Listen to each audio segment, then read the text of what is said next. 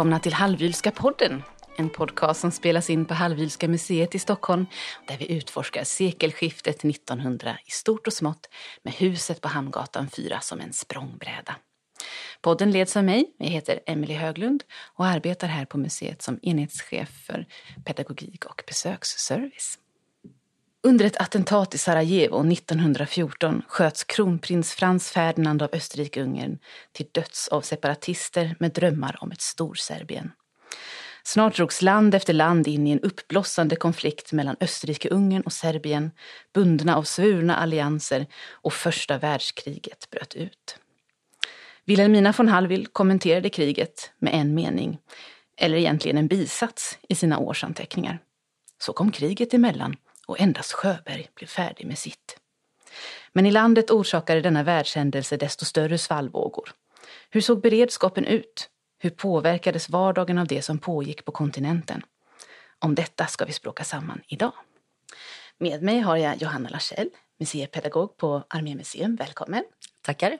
Och Joakim Dittrich Hallberg, museipedagog här på museet. Välkommen! Tack så hjärtligt!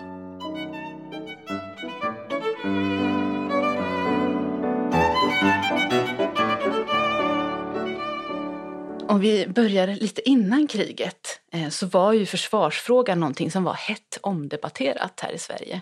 Hur såg den här diskussionen ut i stora drag? Ja, de liberala i Sverige de var för en mer fredligare inriktning. Man ville lägga pengar på mer sociala förändringar i samhället istället för att satsa pengar på försvaret. Medan de konservativa tyckte att försvarsfrågan, den måste vi satsa på. Här måste vi lägga resurser. Så det var ändå en, ja, en, en en klyfta kan man väl säga mellan de två politiska lägren. Det var, det var en, en ganska hetsk debatt som nästan ledde till en konstitutionell kris till och med. Ja, det skulle jag absolut säga. Um, det som händer är att uh, de konservativa börjar ja, men uppmuntra bönderna i samhället att protestera. Och uh, det kommer sluta med att uh, 30 000 bönder marscherar till Stockholm, eller marscherar, man reser till Stockholm, samlas för att demonstrera och visa sin försvarsvilja och eh, man går till borggården, till slottet, där kungen håller tal. Och eh, han kommer verkligen att poängtera eh, att han själv tycker att försvaret är viktigt. Och han kommer också flera gånger upprepa att jag vill ställa min armé och min flotta till förfogande. Och gör en poäng av att han är överbefälhavare. Och det här är egentligen inte alls okej i Sverige på den här tiden utan de här frågorna det ska ju regering och riksdag sköta och inte kungen. Så att det här blir en, en kris och eh, statsminister Karl Staff han blir mycket upprörd av det här och kommer ju att avgå så småningom. Så att, eh, ja, det skulle jag säga, det här är lite av en, en, av en kris i Sverige. Hur landar diskussionen? Hinner den landa innan eh, krigsutbrottet kommer? Ja, det slutar ju med att regeringen, Karl Staff avgår som sagt. Och man tillsätter en ny regering, en konservativ om jag minns det rätt. Ja precis, kungen utser liksom regering på egen hand. Och det här blir ju ett, ett brott mot den parlamentariska ordning som har liksom införts då under det tidiga 1900-talet. Det har ju varit en kamp då för att det är faktiskt parlamentet, riksdagen, som ska vara grunden liksom för hur regeringen utses. Som det är idag, idag går vi och röstar i parlamentsval och så största blocket får bilda regering i parlamentet. Men så var det ju inte innan utan då var det faktiskt kungen som utsåg liksom, regering på egen hand. Man behövde inte ha stöd hos riksdagen. Men det här kommer ju att ändras då. Så att när väl då kungen håller sitt eh, borggårdstal eh, och kliver utanför sina konstitutionella ramar så blir det verkligen en kris. Och man ska, vad ska man säga, den, den här demokratiska stegen som har tagits under tidiga 1900-talet ja, man går helt enkelt bakåt där får man säga. Förändringen blir väldigt synlig i det. Men det låter också som att det är en kris som har dubbla bottnar. Där det dels handlar om en dragkamp mellan de demokratiska rörelserna och eh, kungens anspråk. Men där försvarsfrågan eh, är det som drar det till sin spets. Ja, men det skulle jag kunna säga. Försvarsfrågan blir ju den fråga som de konservativa kan samlas kring. Så man använder verkligen det för att kunna ja, samla ihop sig helt enkelt. Alltså den här konflikten har ju faktiskt satt ett litet avtryck i våra samlingar, Joakim. Eller hur? Där har vi ett spännande askfat. Precis, så när ni nu efter att ha lyssnat på den här podden kommer till museet så får ni ta er eh, till eh, biljardrummet och där i en liten monter så finns det ett askfat. Och om man tittar på det så ser man då ett eh, mansansikte. Det är alltså Karl Staff, den liberala statsministern då som i protest mot kungens tal där på Borggården avgår. Och Eh, det här är alltså om man läser i katalogen då som man får göra här på museet, då får man ju lära sig om det. Där står det då att eh, det är en gåva till Walter von Alvil, alltså herrn i huset här, på julafton 1916 från hans då, före detta svärson Henrik eh, de Marais. Då får man anta då att ändå eh, Walter och familjen här och, och Henrik, eh, svärsonen har liksom en ja, lutar konservativt då, eh, politiskt då, och gör sig då lustiga helt enkelt på eh, över eh, Karl Staaff genom att man då kan aska honom i ansiktet. Walter var ju en storrökare. Han har alltid cigarrer i handen på alla bilder och på målningar och så. Eh, så att det blir som naturligt på något sätt. Eh, men det här är ju då ganska vad ska man säga, symptomatiskt. Ja, det visar verkligen upp den här eh, klassens politiska eh, tillhörighet för konservatism och, och ja, eh, försvarsvänliga syner hänger liksom ihop i den här eh, försvarsdiskussionen som är så är det ju inte helt avlägset att det faktiskt har varit krig ganska nära landet ändå. Armén har ju vid den här tiden också förändrats lite i hur den byggs upp och den allmänna värnplikten är eh, relativt ny. När infördes den? Jo, men eh, värnplikten infördes 1901 och eh, det här, den här tanken då att hela, hela landets män har samma plikt att faktiskt försvara fosterlandet, det är ändå en ganska, ganska ny tanke. Och man vill också verkligen öka fosterlandskärleken och försvarsviljan hos de unga männen eller hos ungdomen i Sverige. Man till och med faktiskt firar minnet av, eh, av slaget vid Narva, 200-årsminne år 1900, som en sån här stor händelse för att man vill öka den här fosterlandskärleken. Eh, officerskåren i Sverige vid den här tiden består till väldigt stor del av adel, kan man komma ihåg. Så det är ju en klasskillnad även där, ungefär 30 procent av officerarna var adelsmän. Så det, det, är en, det är en skillnad. Ehm, för många unga män i Sverige så var värnplikten ändå en, ja, en speciell tid såklart. Man möts över klassgränser på ett helt annat sätt och det här är också en, ja, en del i att man faktiskt börjar demokratisera samhället och inför så småningom allmän rösträtt för, för männen år 1909. Det här är ju någonting som man kan se i familjen också. Det är många som eh, har yrken inom militären. Jag tänker på svärsönerna. Walter hade det ju i sitt hemland. Ja, precis. Walter är ju väl kapten i den schweiziska generalstaben så han kommer ju verkligen ur den här adelsofficersklassen. Eh, det kan man ju se också på hans eh, bröllopsporträtt då, från, som finns i övre Västerbuden. Han är vackert klädd i sin, i sin uniform så det ingår ju verkligen i det här adelsuppdraget att vara eh, officer. Eh, men sen har vi även då eh, svärsönerna till eh, alltså eh, de som döttrarna är gifta med som är då officerare, officerare ihop eller har en sån karriär. Eh, och sen tror jag väl även Johnny Rosvall kommer att vara reservofficer så det är verkligen något som eh, är vanligt i de här eh, klasserna.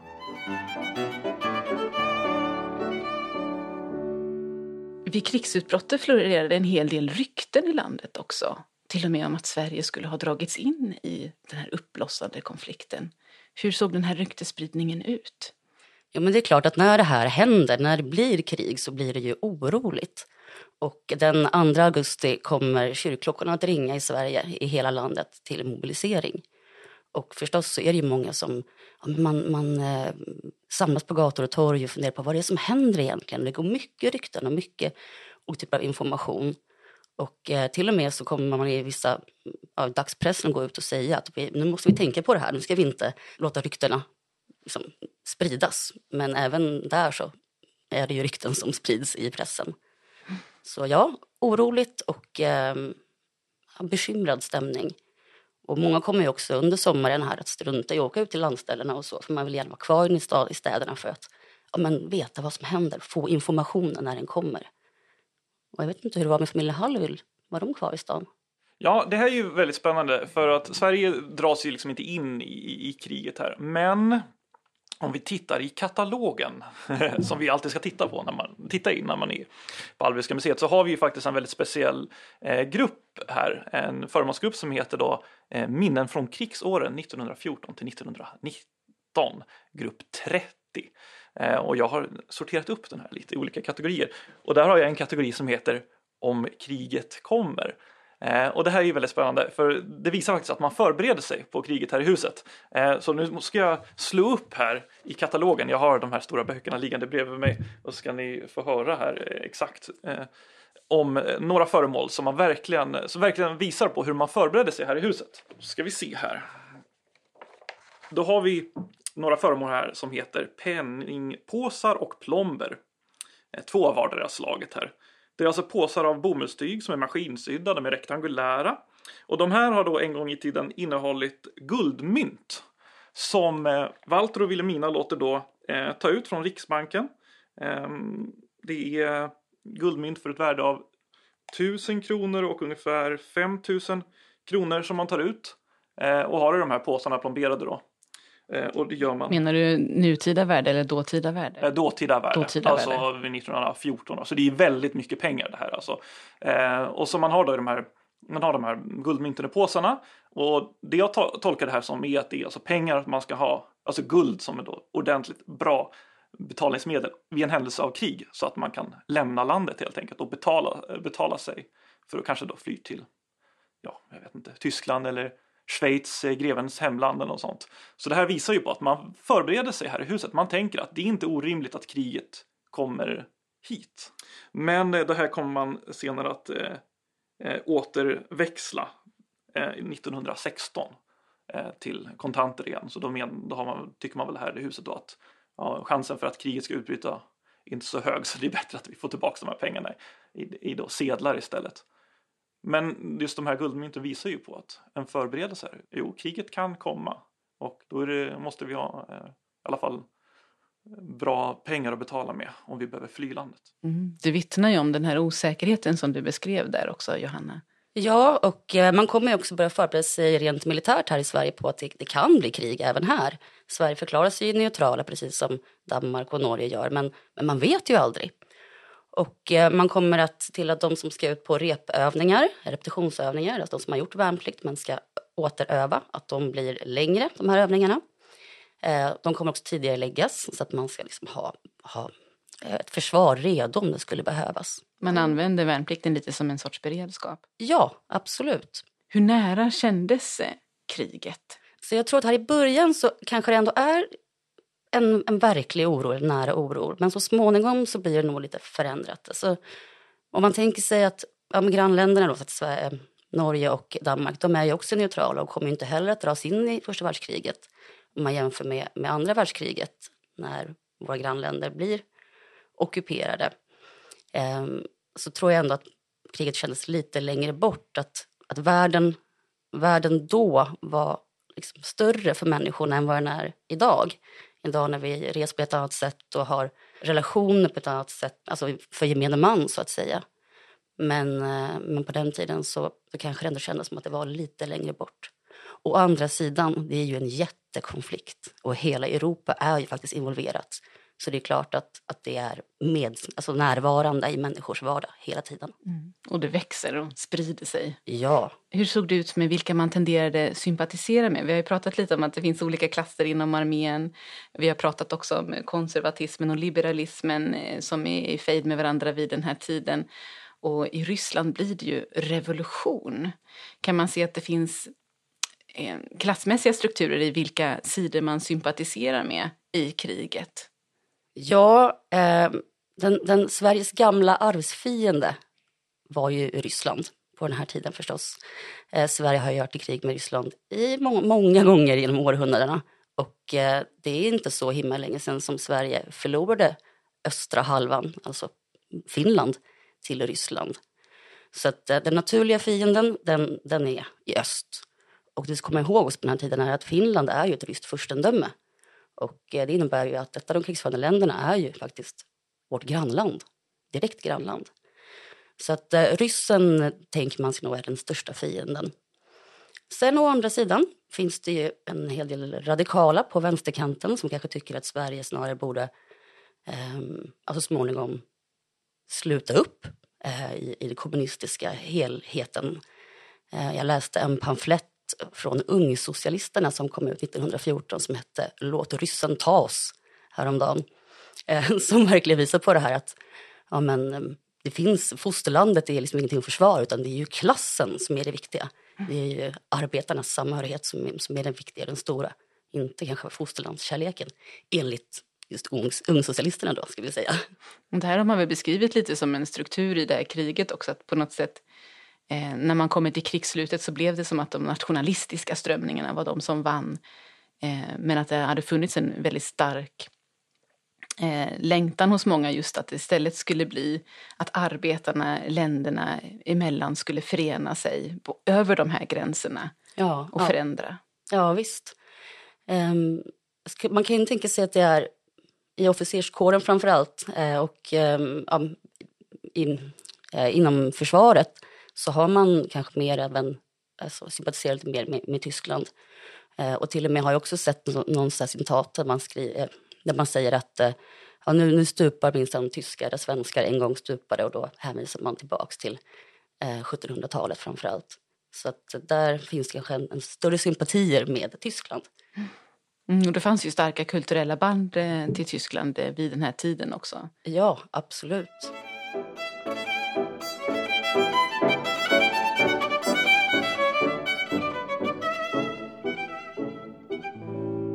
Förutom värnplikten så fanns det ju andra sätt som man kunde engageras som civilist i eh, kriget. Jag tänker på landstormen, någonting som, sen, som inte finns kvar i våra dagar. Vad var det för något? Ja, landstormen var egentligen inte eh, civilister på det sättet, utan det var den, eh, den äldre, äldre männen, 32 till 40 tror jag, de som alltså inte var kvar i den, det vanliga linjeförsvaret som utrustade de yngre männen. Ehm, och de mobiliseras också, landstormen, ehm, kommer att framförallt bevaka broar och järnvägar och sånt. Och eh, de här männen de får i princip ingen utrustning. De får ett, ett, ett vapen, en trekantig hatt och en armbindel, men ingen uniform. Och det här upprör ganska många människor faktiskt. Så många kvinnor kommer börja engagera sig för att försöka att hjälpa till och bekläda just landstormen. Och man gör insamlingar och man eh, samlar in både pengar och tyger och syr kläder och annat eh, till landstormen. Ja, det fanns ju olika sätt att engagera sig eh, frivilligt i kriget och bland annat som kvinna. Är det här det typiska som vi ser? Finns det andra exempel på hur man gjorde? Ja, ehm, i början på kriget så finns det em, flera kvinnor som kommer att engagera sig för att eh, undersöka hur kvinnor kan ta männens plats på arbetsmarknaden om det nu skulle behövas. Och eh, det här var lite revolutionerande, att kvinnan ska kunna kliva in och göra mannens arbete lik, lika väl som mannen kan göra det. Och man till och med startar nästan som arbetsförmedlingar för kvinnor eh, som ska då kunna hjälpa till om det behövs. Nu blir det inte riktigt så i Sverige. Man kommer inte mobilisera så pass mycket. Ehm, eh, Men, men den här rörelsen finns. Och det är väl framförallt kvinnor inom kvinnorörelsen, eh, rösträttsrörelsen, som driver de här frågorna. Mm. I rösträttsrörelsen vet vi att Ebba, eh, äldsta dottern i familjen här, var engagerad. Var hon engagerad i försvarsfrågan på något sätt? Eh, ja, det var hon ju absolut. Eh, och eh, det blir ju kanske lite av ett dilemma i hennes roll då som rösträttsförespråkare. För det som sker ju liksom vid tiden kring sekelskiftet är att eh, Ehm, det blir liksom en allians mellan både liberala och konservativa och socialistiska, kvinnor för den delen. Alla arbetar för eh, kvinnlig rösträtt. Men eftersom att Ebba tillhör den här eh, klassen som hon gör, överklassen och aristokratin, så har hon ju naturligt, naturligt ändå en mer konservativ lutning. Så då finns det ju eh, en, naturlig väg att även vara försvarsvänlig och så. Ebba kommer ju bland annat vara med att bilda Eh, fosterländska kvinnokommittén eh, 1913 som är ett samarbete mellan flera kvinnliga försvarsföreningar då. Ehm, när man liksom arbetar för att helt enkelt eh, ja, ligga på då för att öka försvarsanslag och liknande. Man samlar in en herrans massa namnunderskrifter här. På fem veckor samlar man in 270 000 namnunderskrifter bland annat. Så det visar verkligen att kvinnorna var liksom Eh, politiska subjekt vid den här tiden och driver den här frågan, i alla fall på, eh, på högerkanten. eh, Här. Men sen kommer hon också vara engagerad i insamlingen för pansarbåtar och sånt eh, som är också en, en, en viktig del för att eh, vad ska man säga, från en, eh, allmänna sidan eller från det civila sidan då, samla in pengar till eh, flottan som man ville bygga ut. En annan väldigt eh, viktig del är, är eh, frivillighetsarbete inom vården och framförallt Röda Korset som ju är en organisation som är mm, tvåkönad, både män och kvinnor. Men framförallt så är det ju kvinnor som engagerar sig. Och eh, man bygger eh, stora sjuk- eh, och eh, ja, utbildar väldigt mycket sjuksköterskor under krigsåren för att förbereda sig just om det skulle bli ett krig. Och det är ju inte bara, bara människor som kan såras i krig utan även djur förstås. Och ehm, eh, föreningen Röda Stjärnan, Svenska Röda Stjärnan kommer att bildas under kriget som ska hjälpa hästar framförallt som skadas i krig. För hästar används väldigt mycket i kriget under försvarskriget. Och eh, det här är en förening som är, det är männen som sitter i toppen och styr, men det är kvinnor som utbildas till veterinärassistenter kan man säga. Och eh, en, jag tror det är tio stycken stjärnsystrar som de kallas kommer att resa till Finland Eh, under finska inbördeskriget för att just sätta upp ett sånt här veterinär, veterinärsjukhus för hästar och eh, eh är där i tre månader tror jag och hjälper många hästar som skadas. Så det är också en, en sån aspekt. Och eh, föreningen Svenska Röda Stjärnan finns kvar idag fortfarande. Men de heter idag Blå Stjärnan. Man byter namn under andra världskriget för att inte förknippas med, med kommunisterna. Mm. Spännande. Nu när du nämner finska inbördeskriget så kommer jag också att tänka på det här eh, med möjligheten att också engagera sig i själva striderna. Hur ser det ut under första världskriget? Eh, är det vanligt att man går in som frivillig soldat under främmande makt, eh, skulle du säga? Nej, inte jättevanligt. Men just i finska inbördeskriget så kommer det resa ungefär tusen svenskar, eh, svenska brigaden som engagerar sig på den vita sidan. Det är ju vita mot röda som man säger där i finska inbördeskriget. Och eh, det är framförallt yrkesmilitärer som eh, ingår i den här svenska brigaden. Men apropå då mm, eh, finska inbördeskriget och de här oroligheterna som sker vid slutet av kriget så har vi faktiskt ganska intressanta källmaterial. Ehm, det här är alltså ett brev som skickas från en, en i katalogfolket. Eh, Bengt Claudelin som arbetade väldigt tätt med eh, Vilhelmina så de hade verkligen ja, men en, en intim och tät relation och hon berättar mycket om vad hon känner här.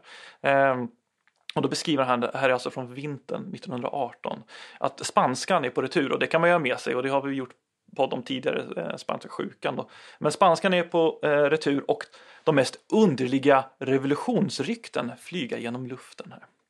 Folk lär köpa upp mat. Eh, vissa säger att de inte törs gå ut på gatan om några dagar. Det är väl mest prat all, allt, allt sammans. Och greven har hört sin dotter säga att eh, eh Hamngatan 4, alltså Hallwylska palatset kommer bli det första hus som ska stormas i den stilen, alltså om revolutionen kommer hit. Ehm, eh, och grevinnan säger att eh, om du nu miste allt du har så, har så har de alltid möjlighet att fly eh, till Schweiz. Vi får väl se om vi sitter här vid vårt arbete om åtta dagar kandidaten. Och det här visar ju faktiskt på, eh, liksom en, i alla fall hos Vilhelmina, en oro, oro över att den här liksom omvälvningen som sker nu i, i mm, Sveriges grannländer, i, i, Finland, i Ryssland och i Tyskland också, att det kommer liksom sprida sig hit. Eh, och det är ju ganska spännande. Ja, men man talar ju lite om den, den svenska revolutionen 1917 tror jag va? Ja, eh, precis. Och det är i samband med det här som de här orden yttras tror jag eh, om jag minns rätt, att det har mycket att göra med en konflikt som, som finns eh, gentemot arbetarna i, uppe i Ljusne. Eh, där man eh, kommer på kant med arbetarrörelsen från företagets sida.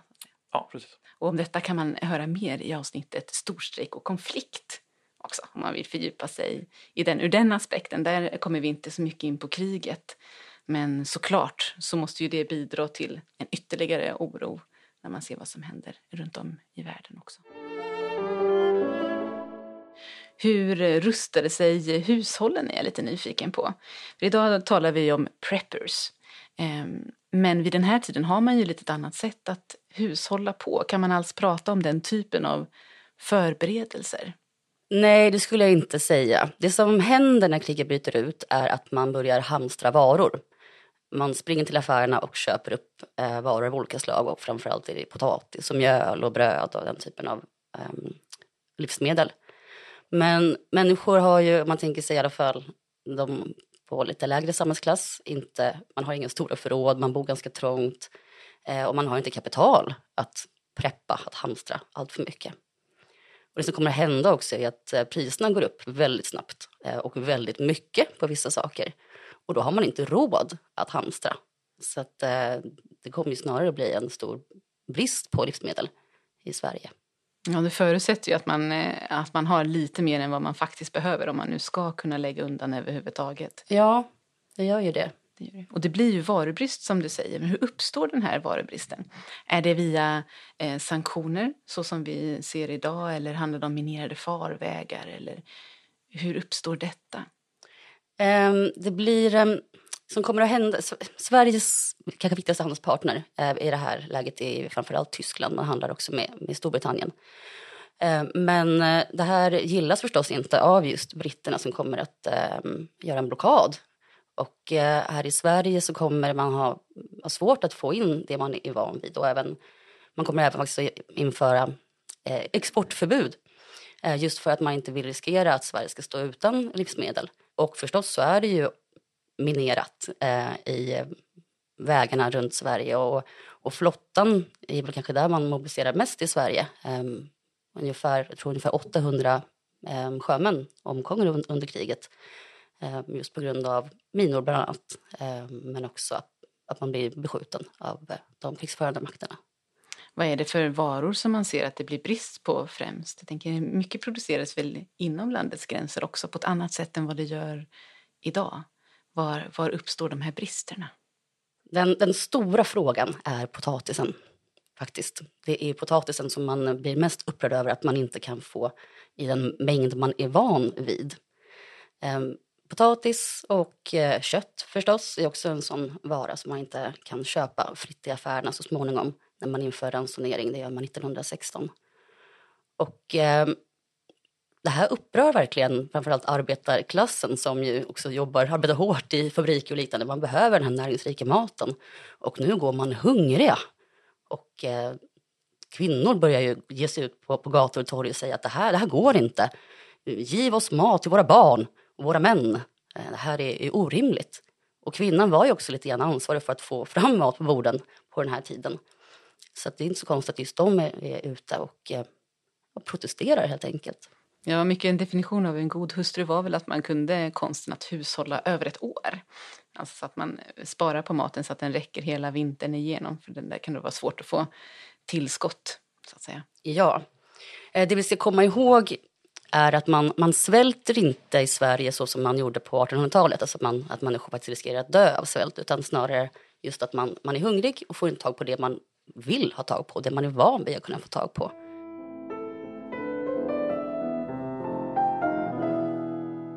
Det kommer ju en del ersättningsvaror och sånt också. Ser vi några spår av ransoneringar, ersättningsvaror i våra samlingar? Ja, det lite märkliga är ju att vi faktiskt gör det. För att det här problemet eh, som Janna beskriver här med att man inte kan köpa upp eh, varor, eh, potatis och kött och så vidare. Det existerar inte riktigt i det här hushållet eftersom man är ju våldsamt rik så man har ju råd att köpa det man behöver. Men sen har man också ett jordbruk i, i, i Sörmland. Då, Erikslund där Walter Wilhelmina bor som nygifta. Då har man ju ett jordbruk också som kan leverera varor direkt till hushållet här så behöver inte gå igenom någon marknad på det viset. Så då, då har man ju säkrat upp sin livsmedelsförsörjning. Så exakt hur det ser ut eh, på middagsborden vid de här åren, om det är eh, liksom färre ostron eller så, det, det vågar jag inte säga, men, men man svälter inte och jag tror att man har, har det bra här. Men, men ändå så finns det ju ersättningsvaror, det är det som är spännande och det är någonting som Vilhelmina låter ta in i samlingen då som exempel på den här tiden. Så det är verkligen en del av hennes museiarbete och det är väldigt eh, spännande.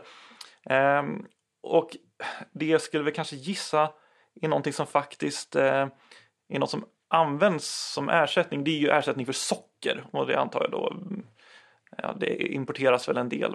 Eh, men, men i alla fall så har man ersättning för det. Och det har vi två flaskor, eh, finns bevarade i samlingar små flaskor med eh, som små eh, kristaller i. Den ena heter Eh, kristallin står det på flaskan, den andra heter Krystallos, olika varumärken vid den här tiden då. Eh, och eh, den här kristallin eh, det är sackarin som är sötningsmedel där helt enkelt som man då kan ersätta ja, socker till kaffe eller vad man nu vill ha sitt eh, socker i. Eh, och det säljs ju fortfarande idag. Det har sådana här E-nummer 954 om någon vill. och det finns i suketter idag så det är något som eh, fortsätter och på förpackningen står det att en kristall motsvarar ungefär en sockerbit. Så då är det ganska liksom, pedagogiskt där och Vilhelmina tar in det i samlingen för att visa upp den här tidens eh, ja, ekonomiska ja, eh, ja, hur det såg ut ekonomiskt till exempel, hur man fick hushålla med olika varor. Ehm, så det är ju ett exempel, men sen har vi ju andra saker också och där är det lite mer av kuriositeter tror jag som Wilhelmina tar in för att beskriva ersättningsprodukter, framförallt från Tyskland. Och återigen, vi vänder oss mot Tyskland som den här familjen givetvis är orienterad emot. Eh, Walter, tyskspråkig schweizare, han är ju inte delaktig i kriget, hans hemland, så, men, eh, eh men det är ändå det tyskspråkiga kultursfären och Wilhelminas föräldrar är födda i det som kommer att bli Tyskland då, under 1800-talets slut. Eh, men där har vi exempel till exempel som papperskläder har de tagit in i samlingarna från Tyskland. Det är alltså det är inte ihoptejpade papperslappar som man gör kläder av utan det är istället att man mm, liksom gör långa smala remsor av papper som man eh, liksom tvinnar eller spinner då och sen kan väva i en vävstol till eh, kläder. Och det är en ersättningsprodukt som utvecklas i Tyskland eh, och kommer faktiskt under 20-talet efter kriget lanseras som liksom ett modernt nytt klädes, eh, sätt att klä sig i. Men, men det verkar vara ganska opraktiskt faktiskt. Men det beskrivs någonstans som att om kläderna blir smutsiga då kan man sudda bort smutset. Jag vet inte riktigt om det fungerade på det viset men det, det, det är lite lustigt. Men där har vi klänningskjol i papperstyg, vi har putslappar i papper för att eh, putsa saker med. Vi har skor i papper eh, och vi har eh, tyska soldathängslen i papper. Och det här är ingenting som Wilhelmina använt eller inte Walter heller. Men det tar hon ändå in i samlingarna just för att visa upp ersättningsprodukterna från den här tiden. Hon har fått dem i present, eller hur? Ja, precis. Hon har fått det framförallt av sina tyska släktingar som har då eh, varit, ja, men som bodde i Tyskland liksom och kan ta med sig de här till Wilhelmina. Mm. Men det är spännande med dem, för man har inte använt dem och det ser inte heller ut som att det har varit intentionen från början. För de här skorna till exempel är barnskor. Men det finns inga barn i huset eh, vid den här tiden. Nej, precis, och då får man ju se dem som, som kuriositeter faktiskt. Mm. Eh, en annan kategori är ju tvålar. Vi har fyra stycken tvålar, eh, tyska tvålar. Och där är det då prov på tysk tvålaranson och de här tvålarna är lite speciella då för de är inte som normala tvålar då att de bara är gjorda av fett, lut och parfym då utan för att eh, liksom dryga ut dem så har man blandat in lera i dem som då eh, liksom, ja, men drygar ut tvålkakan då så att den håller eh, längre. Och det här är då det skriver Wilhelmina i katalogen det här är ett prov på en tysk tvålaranson så det är återigen en pedagogiskt liksom, infört objekt i samlingen då för att vi i en långt avlägsen framtid ska kunna förstå liksom, de ekonomiska systemen som rådde här. Så katalogen är ju eh, sällan särskilt eh, pedagogisk på det sättet att den eh, förklarar ingående hur man använder saker. Eh, den är ganska materialistisk i sina beskrivningar. Men när det gäller de här krigsprodukterna så avviker det lite grann. Till exempel när det gäller hembränningsapparaten, Joakim. Ja, precis. Hembränningsapparaten. Det är lite märklig sak vi har i våra samlingar. Det är ju så att um, um, ja, det är förbjudet med hembränning idag och det var det ju även eh, vid den här tiden. Men ändå så eh, har man en hembränningsapparat här i huset. Jag måste nästan ta fram den här ur katalogen och titta lite. Det är oerhört spännande. Ehm, jag har förberett. Eh, den heter då destillationsapparat för brännvin med låda av galvaniserad järnplåt och om man tittar på den så ser det ut som två stora cylindrar med liksom en slang emellan då som man kan bränna sprit i. Eh, och det är en gåva till Walter och Wilhelmina von Hallwyl julaftonen 1918 här från deras dotterdotter Carola Wachtmeister eh, född eh, von Eckermann så det är alltså dotter till äldsta, eh, till Ebba då, äldsta dottern, eh, Walter och Wilhelminas äldsta dotter. Och då har Wilhelmina låtit skriva så här som en sån här efterskrift i katalogen när hon berättar lite om föremålet. Så jag läser högt här ur Wilhelminas katalog. Under den mot eh, världskrigets slut inträdda kristiden infördes restriktionssystem beträffande spritdrycker. Och en följd därav var att ganska allmänt hembränning av brännvin uppstod. För ändamålet användes mestadels hemmagjorda apparater. En affärsman i Stockholm lät tillverka destillationsapparater till avsalu. En trafik som dock snart nog hejdades genom polisens ingripande. Här beskrivna apparat är antagligen av den antydda personens tillverkning och inköptes av givarna uteslutande för kuriositetens skull. Vid köpet medföljde recept för spiraldricka, populärt namn för hembränt brännvin, finnes bevarat i arkivet. Så här har ju verkligen Vilhelmina tagit med den här just som ett exempel, eller som en kuriositet, men också som ett museiexempel på ja, det här behovet som folk hade då för att få bränna sprit hemma. I krigstid så uppstår ju också ofta eh, stora tekniska innovationer om man tänker på krigsindustrin men också ersättningsvarorna kan ju vara någonting som för eh, den kommersiella utvecklingen framåt på sikt. Vill ni säga någonting om det? Militären har ju alltid varit en, en stark, stark drivkraft i eh, att utveckla nya uppfinningar av olika slag. Eh, man har gärna lagt både pengar och eh, andra resurser på att faktiskt få fram en ny typ av materiell utrustning så, som sedan har kunnat användas i det civila samhället. Ehm, så... Absolut. Och, och sen, eh, jag tänker på det med papperskläder också, Joakim, att man ser ju pappersfiber i en del moderna textilier också. Ja, precis. Eh, man har ju viskos till exempel som är en sån modern industriell produkt som kommer här vid sekelskiftet som sen, ja det, det blir väl större egentligen efter eh, första världskriget. Eh, men det finns ju någon slags Eh, intressant parallell här. Man ser ändå första världskriget är, ett, liksom är det industri, första industriella kriget på något sätt. Eh, där man låter industrin ta plats på slagfältet. Men industrin tar ju också plats i ersättningsprodukterna så allting hänger ju samman eh, på, på det viset. Om vi tittar på levnadsmönster och sånt där. Wilhelmina kommenterar ju som sagt inte kriget så mycket. Den här meningen som jag citerade i ingressen den kommer ifrån en beskrivning av arbetet vid Schloss Hallwyl som ju då påverkas Eh, utav kriget. Men närmare än så kommer vi inte det via Wilhelmina. Men om vi tittar utanför hennes anteckningar på resmönster till exempel, kan vi se någon förändring där som kriget ger? Ja, det är ju intressant. Ja, Wilhelmina åker ju faktiskt till då, ner till Schweiz 1900 Eh, 15 som du säger här. Det står ju de här årsanteckningarna och, och de är lite som en dagbok skulle man kunna säga för er som inte känner till dem med en lång text då, per år. Eh, och eh, märkligt nog så är hon ju väldigt förtegen om kriget överhuvudtaget, säger nästan ingenting om det. Förutom de här resorna till, till, till Schweiz. Hon beskriver det som att 1915 då, att i slutet av september fick jag en gång den känslan att jag ovillkorligen var tvungen att resa till Schweiz för att, gör, för att se vad det gjorde och det de håller på med där är ju att renovera och, och gräver ut eh, familjen, familjen von Hallwyls stamborg nere i Schweiz, Schloss Hallwyl. Eh, Walter blev ond och sade att, jag var gal, att det var galenskap så att han uppskattar tydligen inte det här. Så uppenbart att det finns någon, man tycker inte, eller Walter tycker att det är knäppt att de ska resa ner till Schweiz mitt under brinnande krig. Tyskland är ju i krig. Men uppenbart så går det ju att resa här i alla fall. Så hon kan resa ner dit med Eh, med sin dotter Ebba von Eckermann, med eh, sällskapsdamen Fräulein Ose och kammartjänaren John Pettersson. Liksom. Så det verkar ju gå att resa i alla fall, det har vi ett bevis på här. En annan som reser är ju barnbarnet då, Rolf, Rolf de Maré, eh, dotter till, eh, son till mellandottern eh, eh Ellen här. Eh, och han kommer resa då 1915, så det är ju början av eh, i kriget och han reser till Paris. Eh, så egentligen över då från den tyska sidan, eller man ska säga, från, ja, från öster till väster i alla fall. Eh, han är där med sin eh, gode vän och pojkvän får man säga, Nils von Dardel.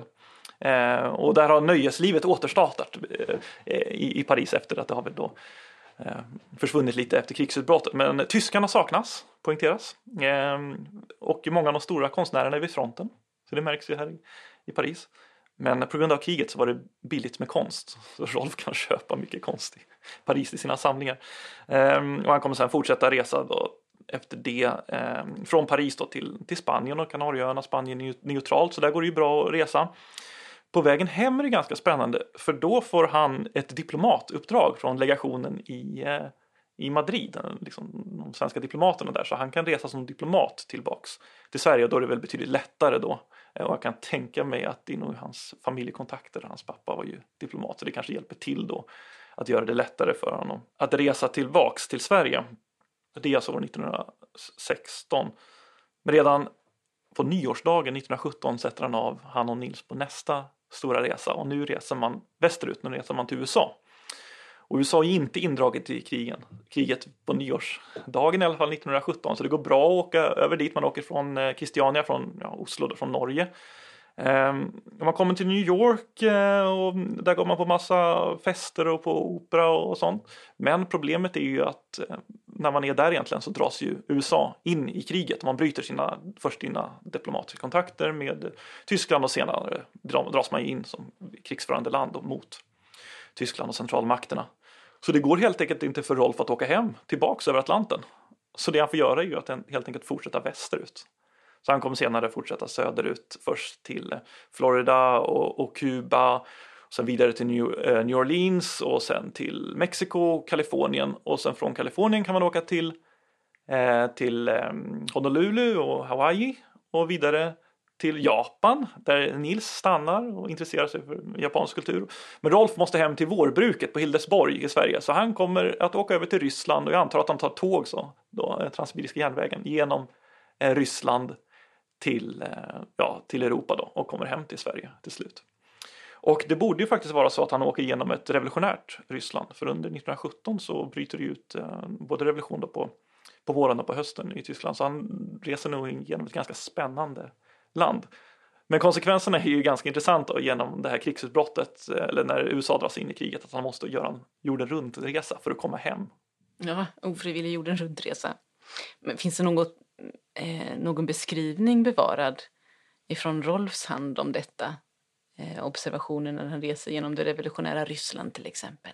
Mm, där har jag förlitat mig på Erik Näslunds biografi överallt för där skriver han ingenting. Eh, så då måste man nog in i, i rullorna och in i arkiven och titta noggrannare. Men det är mycket möjligt att det, det, det finns, men det finns ju eh, lite eh, souvenirer i samlingen också från Rolf. Här. Vi har ju en, en näsduk som eh, Rolf låter införa här till samlingarna. Jag ska plocka fram den här i, katalogen. Ja, det är en näsduk då av sidentaft med färgtryck. Den är kvadratisk, kvadratisk och på den så är det en herrans massa ryttare och en massa flaggor och det är alltså de allierade som är med, liksom beskrivs på den här näsduken med de allierades eh, flaggor. Och ryttare, där är Peter, kung av Serbien, Yoshihito, eh, kejsare av Japan, Eh, storfurst Nikolaus, eh, rysk överbefälhavare, Albert den förste, kung av Belgien och Joffre, fransk general här. Eh, och sen är det också en engelsk överbefälhavare här, Sir John French. Ja, det, det här köper eh, eh, Rolf på resa till Paris och Spanien då, 1915 där och tar med sig hem till, till mormor. Eh, så det visar ju också upp någon slags souvenir. Och det här är intressant. Annars har vi mycket souvenirer och saker som är associerade till, till den tyska kultursfären och tyska sidan i kriget. Men det här blir från andra sidan då. Och det är kanske inte så konstigt då om han befinner sig i Frankrike. Och sen i, i USA. Mm. Man får en känsla av att det kanske är två olika generationers förhållningssätt till risk här också. Där man har den åldrande Wilhelmina som reser trots eh, sin makes förmaningar ner till passionen av att dokumentera Schloss Alville. Eh, Medan Rolf verkar ganska obrydd i vilka risker han tar med den här ofrivilliga världsomseglingen. Eh, ja, precis. Och sen tror jag att han, ja, han kanske hade tröttnat lite på tråkiga Sverige här. Vill väl ner till Paris och festerna och liksom det här liksom mer fria livet som fanns ändå på kontinenten. Hur eh, typiskt är det här skulle du säga Johanna? Om man tittar på befolkningen i stort kan man se att resmönstren minskar. Du sa att man åker in, i krigsutbrottet i alla fall, att man gärna höll sig i städerna för att hålla sig informerad. Eh, hur fortlöper det här sen några år in i kriget? Eh, hur man reser i Sverige kan jag nog inte svara på men det man kan se är att man snabbt kommer att införa pass eh, passkrav för att kunna resa in i Sverige. Så det låter ju härligt här hur familjen Hall vill resa kors och tvärs, men så är det ju inte för gemene man. Utan eh, när kriget bryter ut så vill man hålla vakt om gränserna och kontrollera vilka som kommer hit. Så att passkontroll kommer att införas. Eh, förutom för våra nordiska grannländer ska jag säga, för de tycker man ändå är, är brödrafolk och de kan resa friare över gränserna. Mm. Och där kan man ju jämföra lite också med hur Walter och Wilhelmina reser. Nu reser ju inte de så jättemycket just under världskriget men de reser ju oerhört mycket under sitt, sin levnad Då, vi kan säga över 60 resor i alla fall eh, känner vi till här. Och eh, innan första världskriget så är det ju väldigt lätt att resa, i alla fall om man tillhör deras klass. Pass är ingenting man behöver för att korsa gränser till exempel. Det kan räcka med något visitkort eller något sånt där. Eh. Och resa genom Europa, det är ju inte så många gränser att korsa heller. Liksom få gränser och det är väldigt lätt att resa. Men efter första världskriget och under första världskriget så stängs ju gränserna på grund av det krig Och sen det liksom Europa vi får efter är ju också ett nationernas Europa på ett annat sätt. De gamla imperierna faller ju samman och liksom, vi har de här upprutna Europa med nationalstater istället. Eh, och, man, man, och då krävs det ju pass helt enkelt för att eh, resa. Titta till exempel vad som händer med Österrike-Ungern, det här stora imperiet som faller sönder i, i nationalstater. Ja, absolut. Jag tror vi har varit inne på det här under ett tidigare avsnitt när vi pratade om resan till Egypten just att man behövde egentligen inte ha något pass om man hörde till överklassen innan kriget då man reste utan då räckte det med att någon intygade, någon respektabel person intygade att du var du. En läkare eller ja, så inte så liksom strukturerat. Det blir tydligt när vi pratar om detta att eh, kriget eh, förändrar en hel del både eh, när det gäller sådana detaljer. Det byråkratiska det blir mer formellt efteråt men kanske framför allt på det politiska planet.